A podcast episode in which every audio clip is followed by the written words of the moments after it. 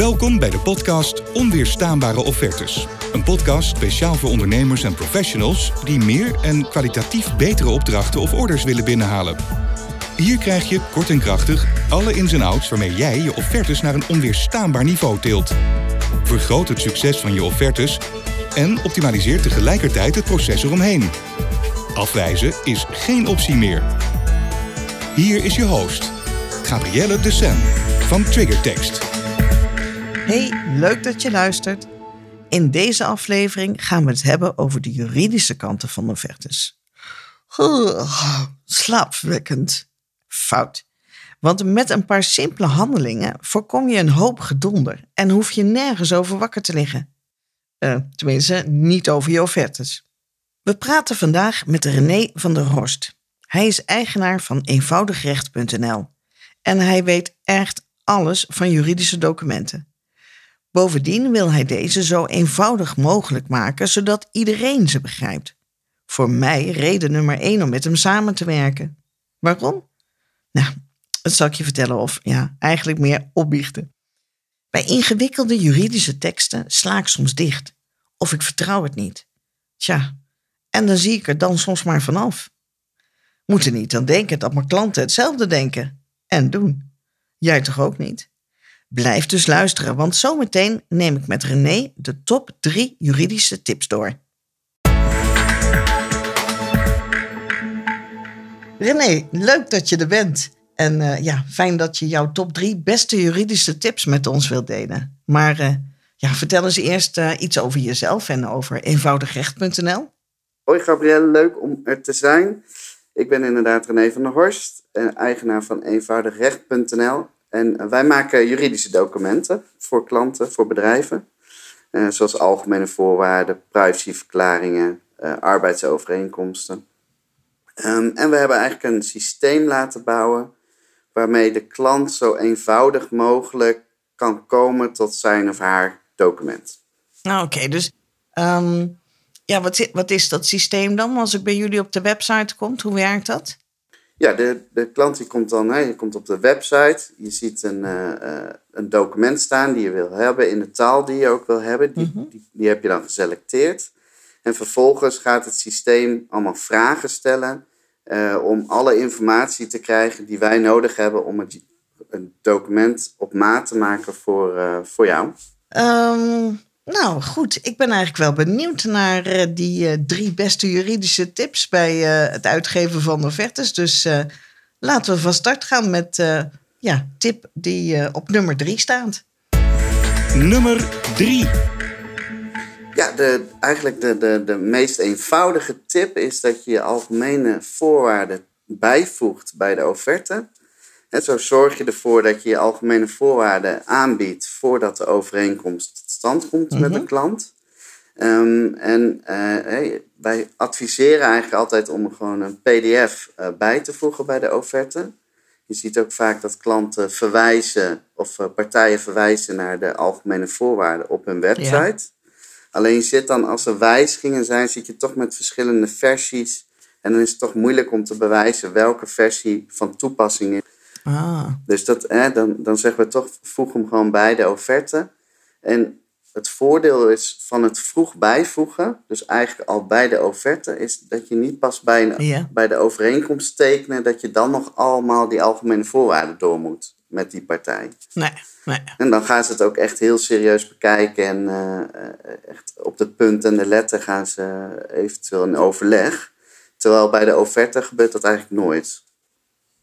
Nee, klopt. En dan zijn ze al van oh. toepassing, dus uh, ja. Ja, zeker. Ja.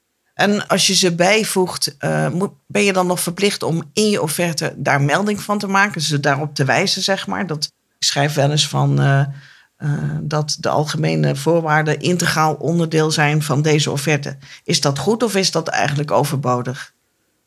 Nee, dat is op zich heel prima juist. Want hè, je wijst ze er ook nog even op. Dus dan heb je helemaal aan je taak voldaan om ze goed aan te bieden. Ja.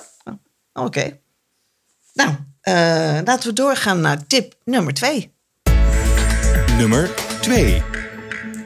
Ja, de tweede tip is eigenlijk um, dat je de belangrijkste afspraken die je wilt maken met de andere partij, dat je die alvast in de offerte als tekst opneemt.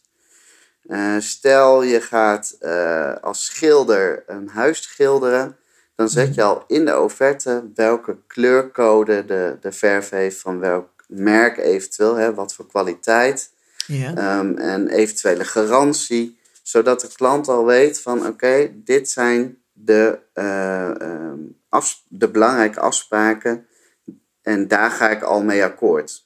En zo voorkom je eigenlijk heel veel discussie eventueel achteraf. Ja. Uh, als het alleen in de algemene voorwaarden staat.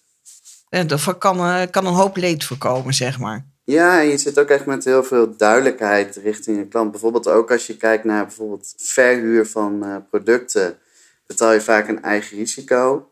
Ja, hè, en dan mm -hmm. zie je vaak dat dat eigen risico in de algemene voorwaarden staat. Maar ik zou zelf adviseren, zet het ook in de offerte, zodat de klant dat alvast weet. Ja, goeie. Ja.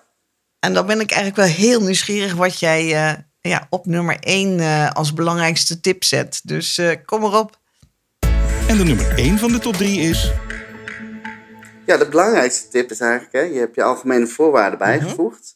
Je hebt de belangrijkste afspraken al in de offerte staan.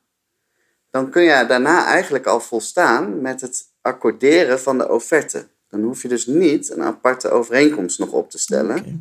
Want alle kernelementen van, hè, van, van je dienstverlening, ja. van het product uh, dat je verkoopt, dat zit dan al in de offerte. En die kun je dan laten ondertekenen of nog makkelijker een digitaal akkoord ja. krijgen. En um, de, je, je bedoelt daarmee te zeggen volgens mij dus dat, dat er geen opdrachtbevestiging daarna nog nodig is. Okay. Klopt, klopt. Ja, dus je hoeft niet daarna nog een koopovereenkomst of een dienstverleningsovereenkomst. He, ga je inderdaad als freelancer voor langere tijd ergens werken, dan zit je met een overeenkomst een yeah. opdracht. Hè? Dat is weer wat anders. Maar dit gaat echt over een individuele verkoop van uh, bijvoorbeeld een product. Ja. Dan hoef je niet daarna ook nog een koopovereenkomst te gaan maken. Okay. Oké, okay, dat is uh, handig en een hoop tijdbesparend, denk ik. Dankjewel voor je tips. Ik heb eigenlijk nog wel een laatste vraag. Ik weet dat jullie uh, echt betaalbare tarieven hebben hoor, maar uh, stel dat ik nu iedereen en alles te slim af wil zijn en uh, eigenlijk gewoon de algemene voorwaarden van een vergelijkbare ondernemer copy-paste doe en mijn naam en logo eraan toevoeg. Mag dat? Ehm, Gebeurt dat? Is het slim? Is het niet slim? Kun je me daar iets over zeggen? Ja, kijk, eh, wat we vaak zien is dat er best wel vaak algemene voorwaarden bijvoorbeeld van con-collega's worden overgenomen. Um, en dat is ook logisch. Hè? Aan het begin, als je start als mm -hmm. ondernemer, heb je gewoon minder budget vaak. En vind je het ook lastiger om geld uit te geven, is mijn ervaring.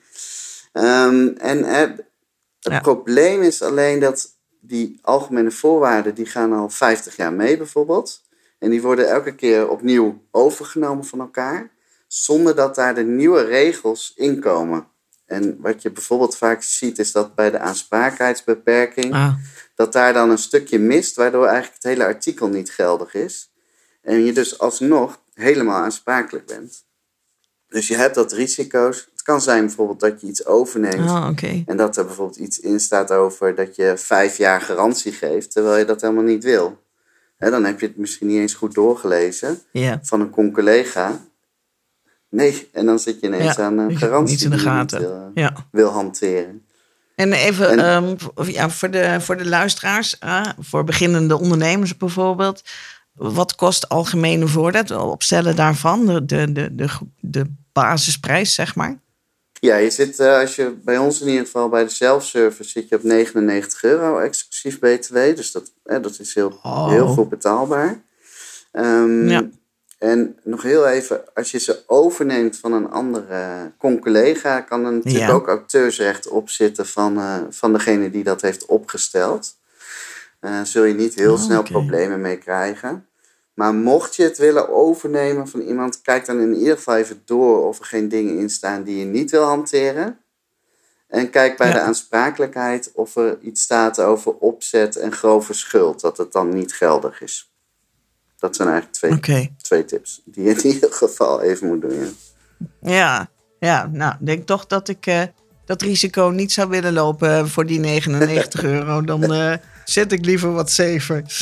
Uh, ja, uh, ik weet niet hoe het uh, met de anderen zit, maar ik ben in ieder geval toch weer een stuk wijzer geworden. Dankjewel René en ehm, ja, wie weet tot de volgende keer. Ja, leuk. In de volgende podcast gaan we het hebben over een specifiekere vorm van offertes, namelijk die van aanbestedingen. Je inschrijven op een aanbesteding wordt over het algemeen beschouwd als een, ja, een tijdrovend en ingewikkeld proces. En toch is het, zeker wanneer je met de overheid wil samenwerken, de enige manier waarop je daar voet aan de grond krijgt. Naast overheidsinstellingen plaatsen tegenwoordig ook commerciële organisaties aanbestedingen. Genoeg redenen dus voor een aflevering met aanbestedingstips. Dat dus de volgende keer. En dan nog even tot slot. Laat ons vooral weten wat je van deze en onze andere afleveringen vindt. Geef een review of stel een vraag. Je maakt hiermee kans op een gratis exemplaar van ons volledig herziene handboek Onweerstaanbaar Goede Offertes dat binnenkort uitkomt. Bedankt voor het luisteren en graag tot de volgende keer. Meer tips en inzichten? Abonneer je op Onweerstaanbare Offertes via je favoriete podcast-app of ga naar onze website www.triggertext.nl. Daar vind je trouwens ook informatie over de offertescan en het boek Onweerstaanbaar Goede Offertes. En als je er toch bent, bekijk dan direct even onze slimme content tips voor je website, social media en lees alles over bloggen voor ondernemers. Bedankt voor het luisteren en tot de volgende podcast.